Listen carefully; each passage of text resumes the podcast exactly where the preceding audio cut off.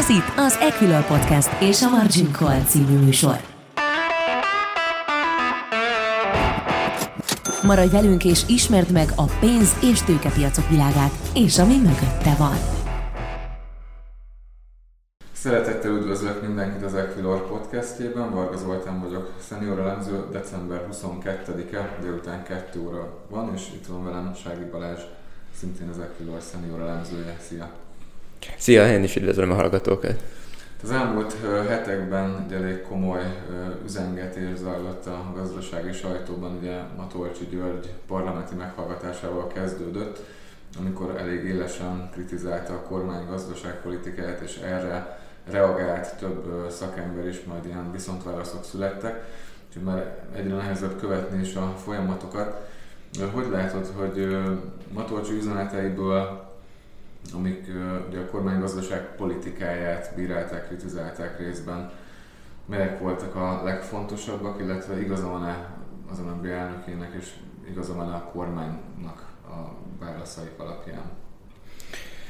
Igen, Motolcsi György a parlamenti meghallgatásán elég erőteljes üzeneteket küldött a kormánynak súlyos gazdaságpolitikai műhibának nevezte a múlt évi 6,8%-os költségvetési hiányt, e, ami hát egy nagyon határozott szembenállást mutat a jegybank és a kormány képviselői között nagyon másképp gondolkodnak a gazdaság irányításáról. A Magyar Nemzeti Bank korábban is foglalkozott növekedés ösztönző, fejlődés ösztönző programok kidolgozásával. Matolcsi György többször megosztotta nézeteit a gazdaságpolitika helyes irányáról. Ezek közül a nézetek, javaslatok közül nem mindent követett a kormány, nem mindent fogadott meg a kormány, és most egy nehéz gazdasági helyzetben úgy tűnik, hogy kiéleződik ez a konfliktus. Igazságot tenni nagyon nehéz, viszont nagyon érdekes követni ezt a vitát és a nézőpontok ütközését. Igen, ugye az elmúlt hónapokban, illetve az elmúlt években több alkalommal is jeleztem a Tolcsi György, hogy sokkal szigorúbb költségvetési politikára lenne szükség, és csökkenteni kell a hiányt még a háború előtt is hosszú idővel. Ugye ez egy komoly téma volt, illetve komoly konfliktus forrás volt a jegybank és a kormány között.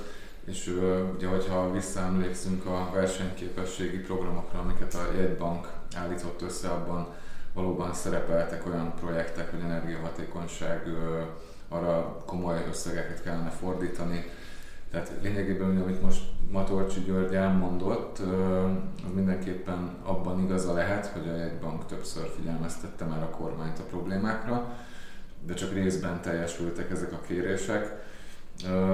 Viszont itt volt egy másik fontos téma, amiről mi is nagyon sokat beszéltünk már itt, akár itt a podcastekben is, Ugye az ársapkák, hatósági beavatkozások kérdése, akár itt a kamatstopról legyen szó, vagy az üzemanyag ársapkáról, élelmiszer ársapkáról, ugye most már a betéti kamatot is lényegében szabályozza a kormány. Erről mit gondolsz? Tehát kinek van igaza? Ugye alapvetően ezt mi is elmondtuk sokszor, hogy hosszú távon károsak lehetnek ezek az intézkedések. Igen, károsak lehetnek olyan értelemben, hogy megváltoztathatják a gazdasági szereplők viselkedését, fogyasztási szokásait, fogyasztási döntéseit, többletfogyasztásra ösztönöz, ugye ez a legnagyobb probléma, torzítja az árakat, mesterséges árviszonyokat, árviszonyokat alakít ki, ami hát áruhiányhoz, különféle gazdasági surlódásokhoz vezet. Ezt tapasztalhattuk nemrégiben ugye az üzemanyagár stop kapcsán, üzemanyag hiány alakult ki a kutakon, mindenki láthatta, hogy egy fenntarthatatlan helyzet alakult ki.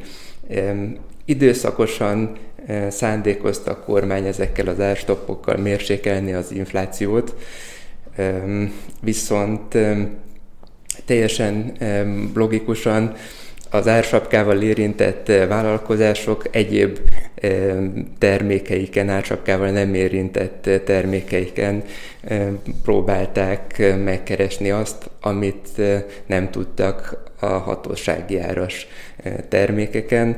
Így az infláció hát legfőjebb statisztikai kimutatásokban, statisztikai módszertanoknak köszönhetően lehetett alacsonyabb. Összességében az áremelkedést nem, hogy megállítani nem tudta, hanem még esetleg újabb lendületet adott neki.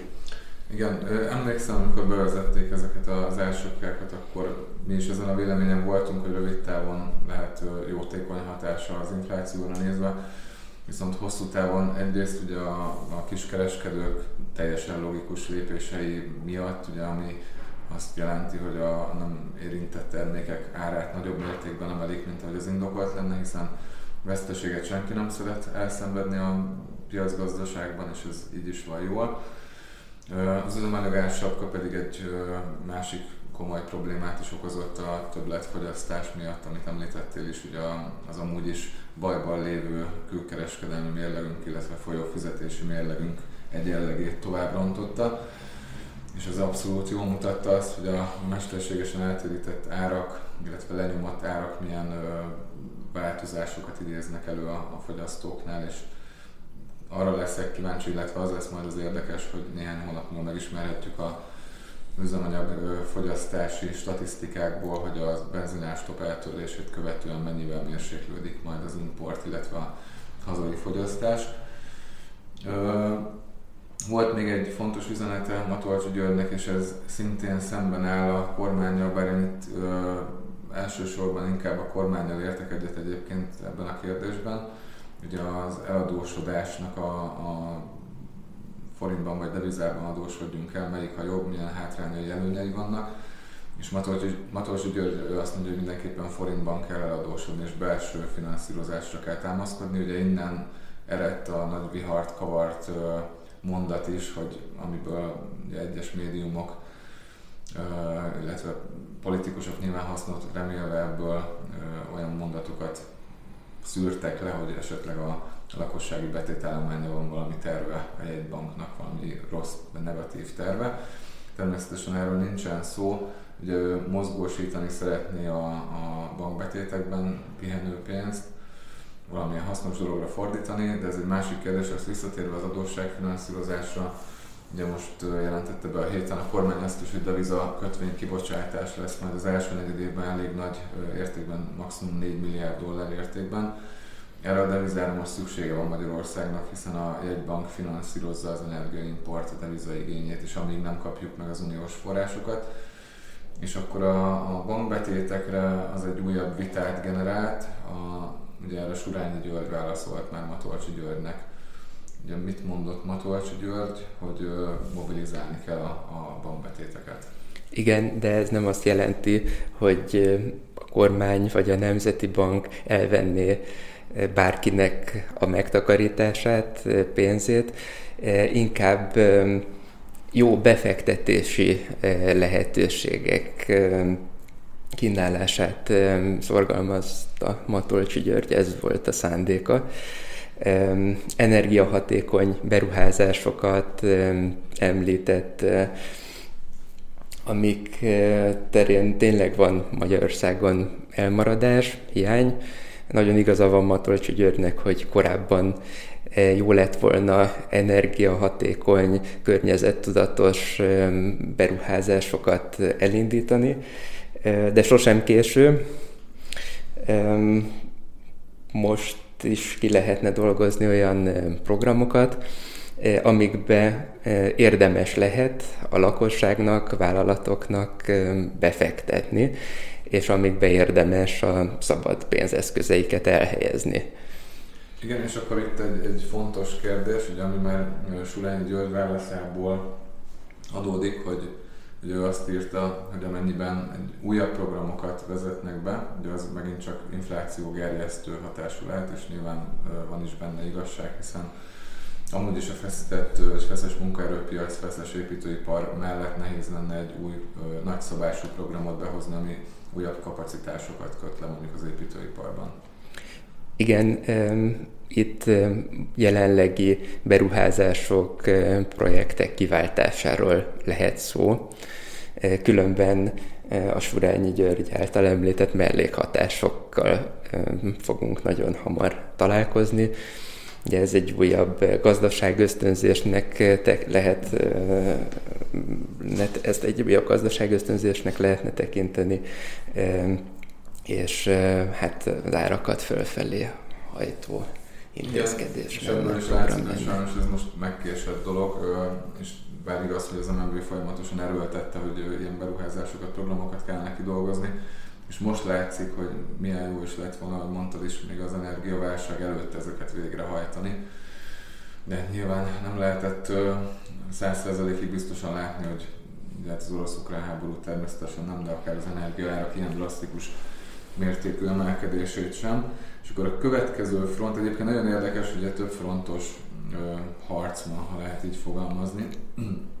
Ugye Surányi György egy banknak, illetve a kormánynak is ö, szánt egy kis kritikát, most ö, egyelőre a jegybanknál maradva, azon vitatkoztak lényegében, hogy mikor indult el az inflációs trend Magyarországon. Ugye az MB álláspontja az, hogy ugye az idei évben a Covid-válság leküzdését követően egy nagyon lassú fokozatos, illetve tavalyi évben, bocsánat, egy lassú fokozatos infláció kezdődött meg, és ezért volt szükség kamatemelésre lényegében, amit az MNB meg is tett, és elkezdte az infláció elleni küzdelmet. Ezzel szemben Surányi György azt állítja, hogy 2020-ban még a Covid válság kitörése előtt már olyan szinten volt a hazai infláció, ugye akkor, ha jól emlékszem, 4,7% volt januárban, Igen. hogy akkor megindult volna egy komoly inflációs hullám Magyarországon, csak a Covid járvány akadályozta ezt meg. Sőt, azt mondja, 2017 elejétől rendszerűen emelkedett az infláció, amit az MNB-nek észre kellett volna vennie. Igen, itt egy időzítéssel kapcsolatos konfliktus és nézeteltérés van Surányi és a jegybank képviselői között. Ez teljesen igaz, hogy az Európai Központi Bank is későn reagált az infláció emelkedésére. A Fed is későn reagált. Úgyhogy hozzájuk képest az MNB nincs lemaradásban, viszont önálló jegybankként a hazai folyamatokat nekik folyamatosan figyelni kell, és meghozni a szükséges és időszerű intézkedéseket. Valószínűleg meg lehetett volna előzni az ilyen mértékű infláció kialakulását, hogyha időben megfelelő lépéseket és megfelelő üzeneteket küldenek a Magyar Nemzeti Banktól. Igen, én egyébként emlékszem arra, hogy 2020 évelején ugye folyamatosan természetesen követtük akkor is az inflációs folyamatokat, és már akkor, tehát ebben abszolút Surányi Györgyel értek egyet, hogy már akkor megindult egy elég komoly áremelkedési ütem, ami akár 5-6 fölé is mehetett volna még abban az évben, és már akkor valószínűleg kamatemelésre kényszerült volna az MNB, hogyha ha nem jön a koronavírus járvány ugye, ami, ami megszakította ezt a folyamatot világszerte, viszont azt követően uh, hatványozottan jelentkezett, amire ugye rátett még az orosz-ukrán háború is. Tehát uh, itt inkább, uh, gondolom, te is inkább Surányi felé hajlasz ebben a kérdésben, az inflációban. Igen, igen, igen. Látszik, ugye a régiós országok inflációs szintjeiben, hogy a Magyar Nemzeti Bank követett el valószínűleg hibákat. A régiós infláció, cseh infláció, lengyel infláció nem közelíti meg a magyar infláció mértékét. Valamit ők jobban tudtak csinálni. Persze más... Nagyjából tudjuk, hogy miket. Igen, hát ugye hát soroljuk fel szerintem az érdekes téma, hogy ugye a deviza árfolyamat jobban tudták karban tartani, ugye nagyobb a devizatartalék. Nagyobb a devizatartalék, kevesebb volt a bizonytalanság a gazdaságpolitikában konzisztensebb volt a jegybankok kommunikációja, hmm. határozottabb volt a jegybankok kommunikációja. A konziszt, hát a lengyel jegybank esetében szerintem nem annyira igaz, ugye ők is, tehát ott is egymásnak ellenmondó nyilatkozatok jelentek meg sokszor, ami Magyarországon nem is annyira volt jellemző, de például a Cseh jegybank abszolút átlátható, még azt is közé teszi, hogy devizatartalékból mennyit költött adott hónapban az árfolyam karbantartásra, tehát Nyilván egy más, a cseh gazdaság teljesen más stádiumban van, mint a magyar vagy a lengyel, tehát könnyebb helyzetben vannak. Amitről még beszéltünk korábban, hogy elég nagy hibának bizonyult így utólag, ugye egyrészt szerintem az is, amikor előre bejelentette az MNB, hogy mikor kezdi a kamatemelést, viszont a, az egyértelmű hibának pedig, amikor bejelentette, hogy most befejezi a kamatemelést. Igen, én ehhez a véleményemhez ragaszkodnék, hogy a Magyar Nemzeti Bankkal kapcsolatos problémák egy része kommunikációs okokra vezethető vissza. Virág Barnabás szavaival ellentétben, mely szerint ők ja, pénzpiacok és pénzügyi piacok mozgásait követik, a piaci helyzetet követik, és a befektetők által ismert realitás nyelvén próbálnak kommunikálni, beszélni.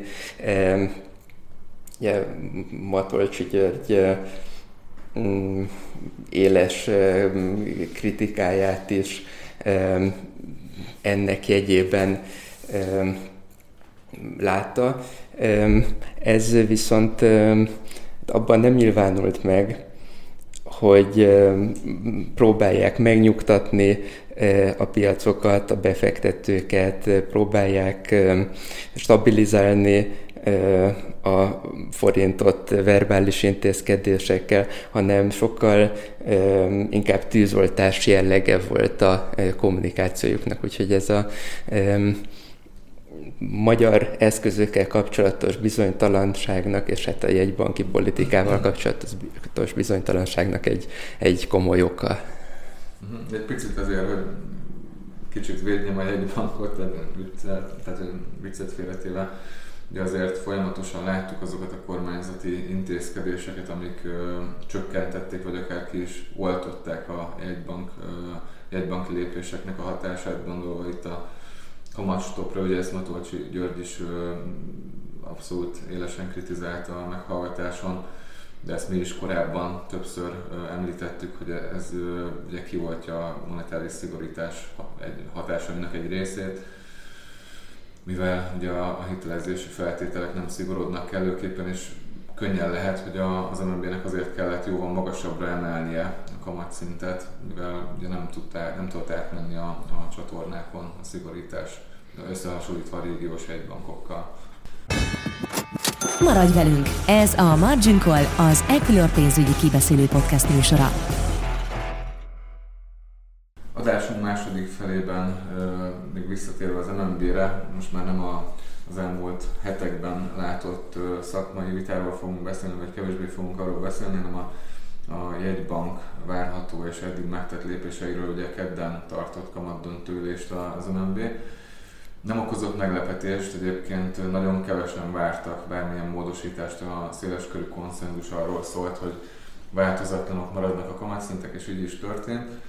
Van hat olyan feltétele az MNB-nek, ami nagyon fontos, és már a korábbi üléseken is említette Virág Barnabás többször, ami függvényében, amelyek függvényében fognak majd a későbbiekben a kamat csökkentésről dönteni. Most picit idézzük vissza, hogy mi történt eddig a kamatemelés során, ugye 13%-on megállt az alapkamat, ez bejelentette az MNB, hogy véget ért a kamatemelési ciklus, majd azt követően ugye a földgáz árának emelkedése miatt, illetve hát a forint gyengülés miatt rákényszerültek még egy elég drasztikus monetáris szigorításra, és jelenleg az egynapos betéti tender keretén belül határozzák meg az effektív kamatszintet, ami 18%. És mik ezek a, a feltételek, ami a, amik a jegybank prioritásai most? Azt mondják, hogy csak akkor számíthatnak a befektetők, piacok kamat csökkentésre az MNB-től, hogyha tartósan javul az európai energiahelyzet, tehát túl leszünk az energiaválságon, vagy úgy néz ki, hogy túl mm, vagyunk az energiaválságon. Az orosz-ukrán háborúval kapcsolatban, hogyha egy megnyugvás következik, hogyha a befektetői hangulat javul, és hát elég konkrét előfeltétel a Fed és az EKB szigorításának lezárása, amit még nem látunk. Igen, ugye múlt héten voltak mindkét jegybanknak a döntülései és fél, fél százalékkal emeltek, viszont itt mondjuk nem vagyok benne biztos, hogy a teljes kamat ö, emelési ciklus lezárását várná az MNB. Azt gondolom, hogy a komoly lassítás, vagy esetleg amikor előrevetítenék, hogy hamarosan le fogják zárni a ciklust, akkor már lehet, hogy ez a feltétel teljesítettnek tekinthető. De egyelőre persze nincs erről szó, hiszen az LKB rendkívül szigorú sajtótájékoztatót tartott, és szinte biztosra vált, hogy a következő februári ülésen újabb fél százalékos kamatemelés és van két belső tényező is még, ami ugye az egyikben van javulás, az uniós megállapodással kapcsolatban, de hát itt is vannak még azért bőven kérdőjelek, hogy március végére derül majd ki, hogy sikerül-e teljesíteni az Európai Bizottság által szabott mérföldköveket, és a folyófizetési mérleg hiánya, ugye, ami továbbra is magas, viszont már van némi javulás ebben. De alapvetően én azt gondolom, hogy a következő néhány hónapban még valószínűleg nem fognak fennállni azok a feltételek, amelyek elegendőek lennének a jegybank számára egy komolyabb kamatcsökkentéshez, itt természetesen az egynapos betéti tender kamat szintjének a csökkentésére gondolok. Tehát nagy valószínűséggel megvárhatják a, a végleges EU megállapodást, tehát a március 31-i határidőt. Természetesen ezt a véleményemet akkor felülvizsgálnám, hogyha hirtelen véget érne az orosz-ukrán háború, de hát erre sajnos nagyon pici az esély. Ugye az amerikai egybank, illetve az Európai Központi Bank várhatóan szintén az első negyed évben még szigorítani fog. Hogyha már előrejelzik majd a, a megállást, akkor lehet kipipálva ez a feltétel igazából a hat közül. A befektetői hangulat az egy picit megfoghatatlan, Jelenleg egyébként én inkább pozitív, legalábbis az előző hónapokat tekintve inkább pozitívnak mondanám, hogy az MNB semlegesnek állította ezt a pontot, és a, ahol javulást mondtak, az a folyófizetési mérleg hiány azért még így is elég magas. Nyilván itt a, a földgáz világpiaci árának alakulásától függ majd a következő hónapokban, ez lesz az első számú kulcskérdés. Ott most szerencsére egy elég jelentős mérséklődést láthatunk most már 100 euró alá is benézett az árfolyam. Ugye az Unió gázársapkát dolgozott ki, úgyhogy egyelőre ebben a tekintetben elég jól állunk. Úgyhogy ami a későbbiekben a kulcs lehet, az a, az uniós megállapodás kérdése. Hát nem tudtunk igazságot tenni, egyébként nem is ez volt a célunk a beszélgetéssel, inkább csak egy kis gondolatébresztés. Minden vitázó félnek van igazsága természetesen, ami még, és ami kimaradt ebből, ugye tegnap tartotta Orbán Viktor az évértékelőt, és nekem nagyon pozitív volt a beszédből, hogy az eurózóna tagságot, tehát az eurózóna tagság mellett pozitív érvet hozott fel, a, ugye a forint elfolyamának a stabilitását, aztán egy picit elszontyolottam, amikor mondta, hogy nem támogatja a belépést. Ez egyébként egy becseng a korábbi kormányzati kommunikációval, de ez, ez már egy elég nagy előrelépésnek tekintem, hogy ö, van egy olyan érv, ami pozitívumként lett felhozva kormány részéről az eurózóna tagság mellett. Ö, ugye azt hozta fel negatívumként elsősorban, hogy szerinte lelassítja gazdasági felzárkózást a többi tagállamhoz, és ezért nem szeretné. de legalább bekerülhet talán a közbeszédbe, ez már nagyon régóta várunk erre a, a témára. Köszönöm szépen hallgatóinknak a figyelmet, és hadd ragadjam meg az alkalmat, hogy kellemes ünnepeket is kívánjak. Az idei évben ez volt az utolsó Equilor Podcast. Köszönjük a figyelmet, és kellemes ünnepeket! Ez volt a Margin Call, az Equilor pénzügyi kibeszélő podcast műsora. Ha tetszett az adás, iratkozz fel követőink közé, vagy honlapunkon hírlevelünkre, hogy elsőként értesülhess a legizgalmasabb tőzsdei sztorikról. A műsorban elhangzott információk marketing közleménynek minősülnek, és nem a befektetési elemzés függetlenségének előmozdítását célozza. Az elhangzottak tájékoztató jelleggel bírnak, a megszólalók adott időpontban fennálló véleményét tükrözik, nem minősül bármely pénzügyi eszköz jegyzésére, vásárlására vagy eladására történő felhívásnak, befektetési tanácsadásának, továbbá befektetési döntések alapjául sem szolgálhat. Az elhangzottak nem tekinthetők szerződéskötésre vagy kötelezettségvállalásra történő ösztönzésként, azok kizárólag saját felelősségre használhatóak fel. Részletes tájékoztatóért keresse fel honlapunkat www.ekülör.hu